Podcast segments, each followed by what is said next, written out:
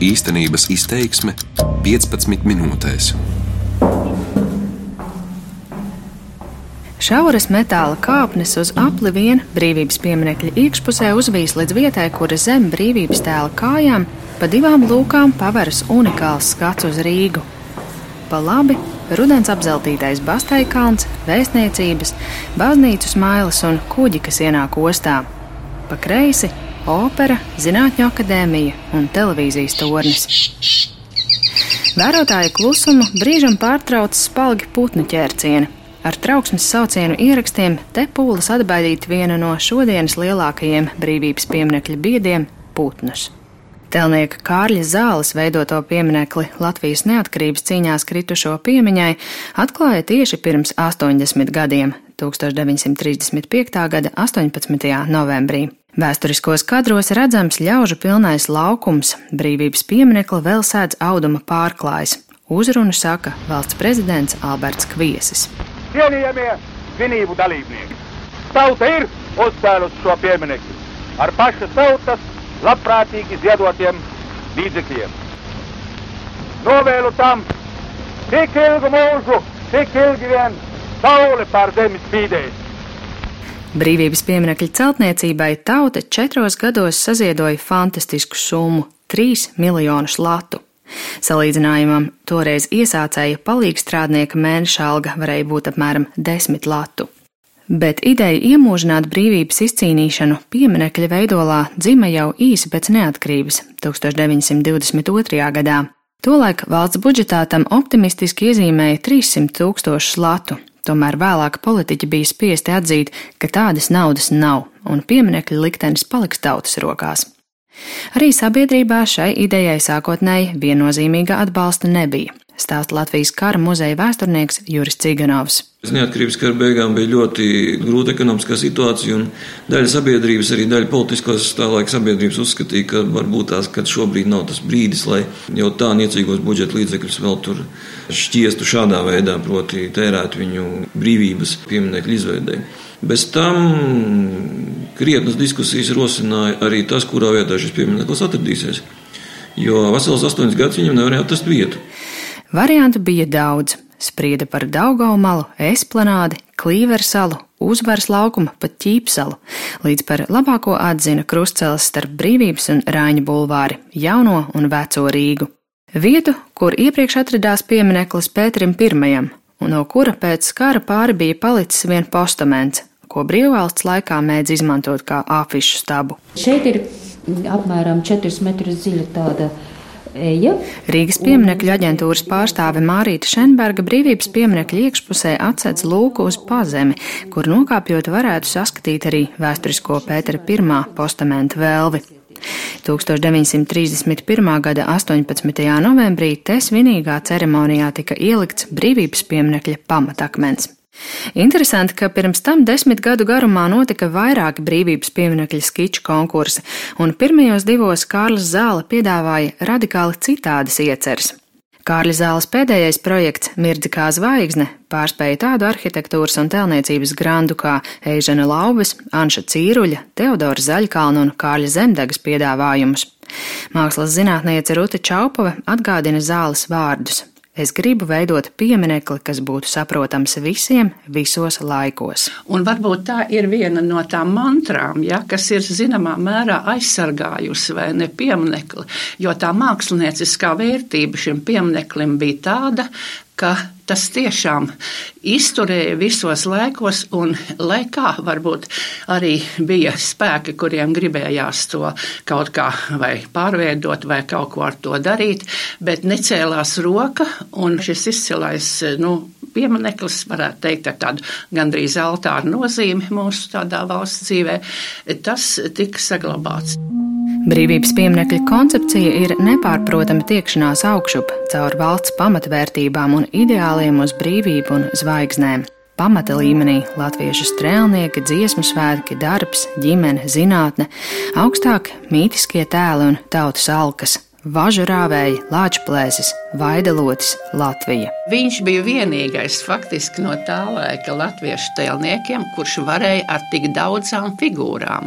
Jo to vajag iedomāties, kā var sabalansēt tik daudzas figurālas grupas. Ja? Tur ir tik daudz tematikas iekšā, nu, tik tiešām pārmet Kārlim Zālēm, ka tas ir pārblīvēts.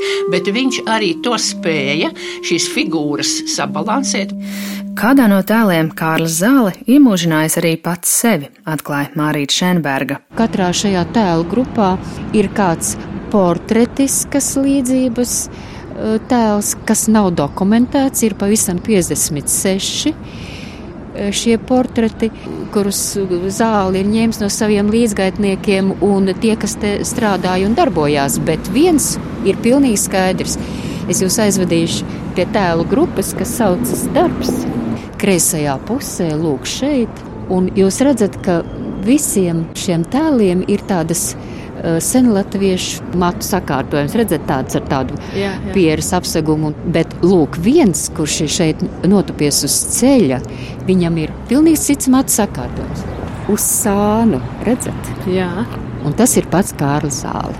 Turpat līdzās travertīnā iegravētie vārdi tēvzemē un brīvībai pieder Kārlim Skalbem bet ikoniskais brīvības tēls tapis Stokholmā.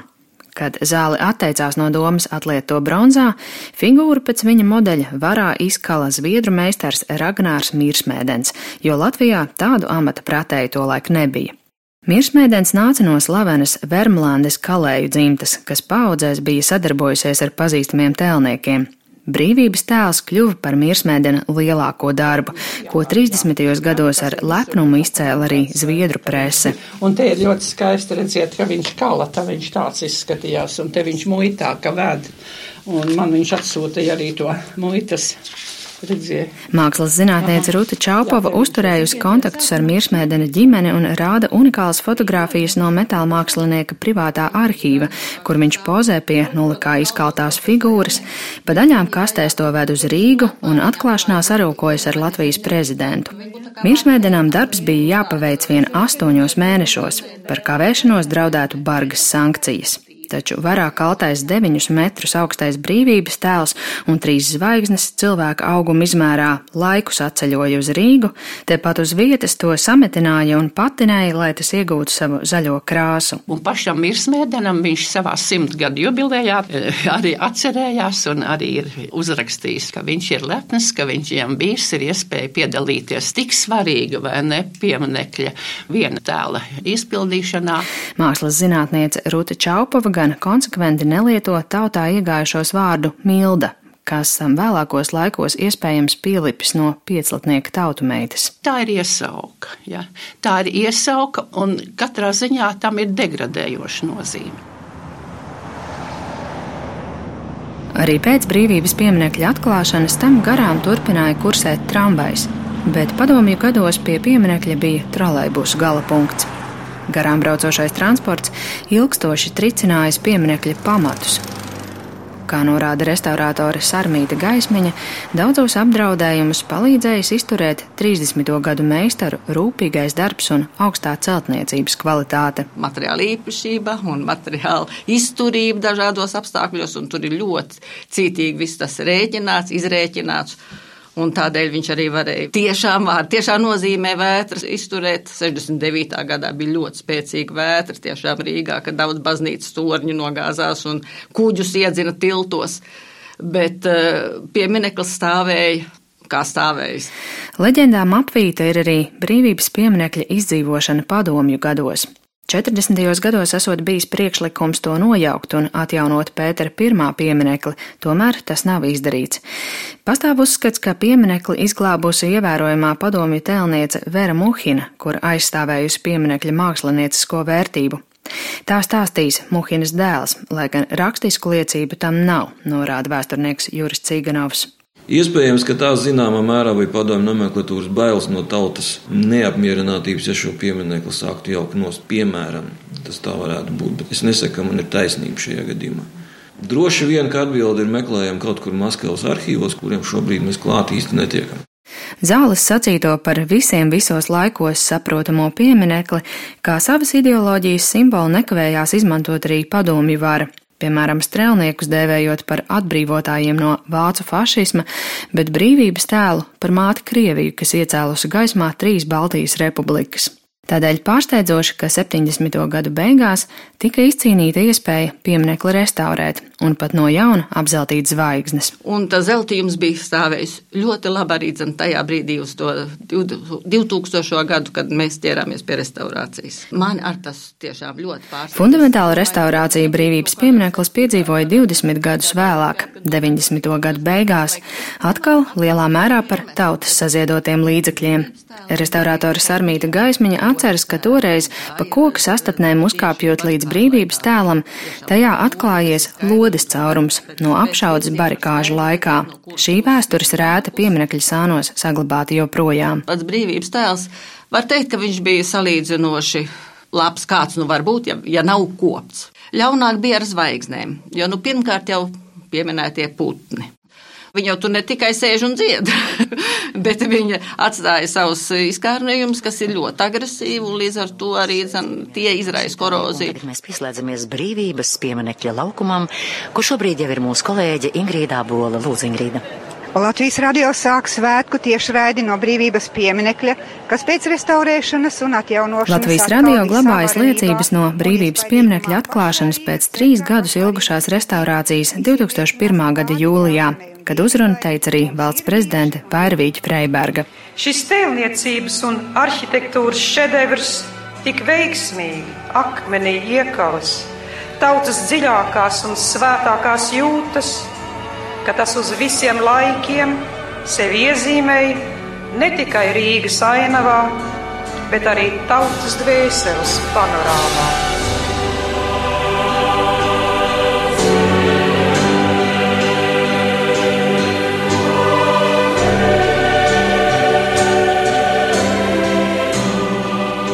Reizē ar brīvības pieminiekļa atjaunošanu pie tā atgriezās arī godisardze. Nacionālo bruņoto spēku godisardzes rotas kareivju postenī pie pieminiekļa ir ikdiena no desmitiem līdz četriem, mainoties ik pa stundai. Ar izņēmumiem lietus laikā, lielā salā vai karstumā. Šim uzdevumam viņus gatavo vismaz trīs mēnešus, un prasības ir augstas. Vismaz 1,75 m, izcila veselība un psiholoģiskā sagatavotība. Godsardzes dienesta stundām beidzoties, ap brīvības pieminekli sāk rosīties Rīgas pieminekļa aģentūras labie gariņi - kārto puķis, tīra lapas un sniegu. Jau astoņus gadus tā ir arī Regīnas Ladusānas ikdiena. Kas svētki ir, tad ļoti daudz cilvēku tiešām, bet ikdiena arī ir cilvēki, kas nes vienkārši un ir sevišķi vecākā paudze. Onkuļi noņem cepuri, paklanās, pat uz celi nometās un tā ar godu, tiešām ar godu. Nelielus darbus brīvības pieminekļu uzturēšanai Rīgas pieminekļu aģentūra veica gadu, tomēr 15 gadu pēc iepriekšējās restaurācijas atkal pienācis laiks, kad brīvības piemineklim vairākus mēnešus nāksies būt sastatnēs. To, ka pamatīgāka tīrīšana vajadzīga jau vairākus gadus, apliecina arī sūnu kumšķi, kas saugušos travertīnu ciļņiem pieminekļa pakājē, rāda pieminekļa aģentūras galvenais restaurators Ivo Graudums. 13. gadā jau bija jātiek jau augšā līdz uh, brīvības tēlam, un sliepas ūdens jau piesātinājis travertīnu ar šiem, ar šiem varsāļiem. Šiem darbiem vajadzētu vismaz 150 tūkstošus eiro. Vai nākamgad Rīgas budžetā tie atradīsies, vēl nav zināms.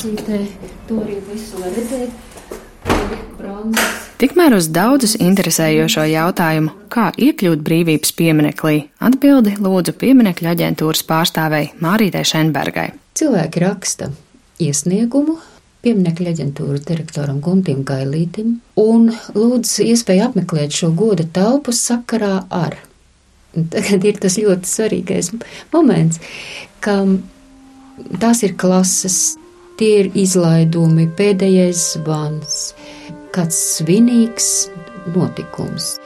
Ka lūk, sakarā ar šo mēs vēlamies apmeklēt. Ja tie ir individuālie pieteikumi, Mēs neatsakām, bet mēs pievienojam kādai grupai. Jāpiebilst, ka šāda iespēja iepriekš piesakoties iekļūt brīvības pieminiekļa iekšpusē ir no 4. māja līdz 18. novembrim. Savā 80. jubilejā brīvības piemineklis šoruden ticis arī pie izstādes Pētera baznīcā, kur skatāmi unikāli kadri no pieminekļa vēstures. Bet 18. novembrī tas kļūs par centrālo objektu šā gada gaismas festivālā Staro Rīga. Māra Rozenberga, Latvijas Radio.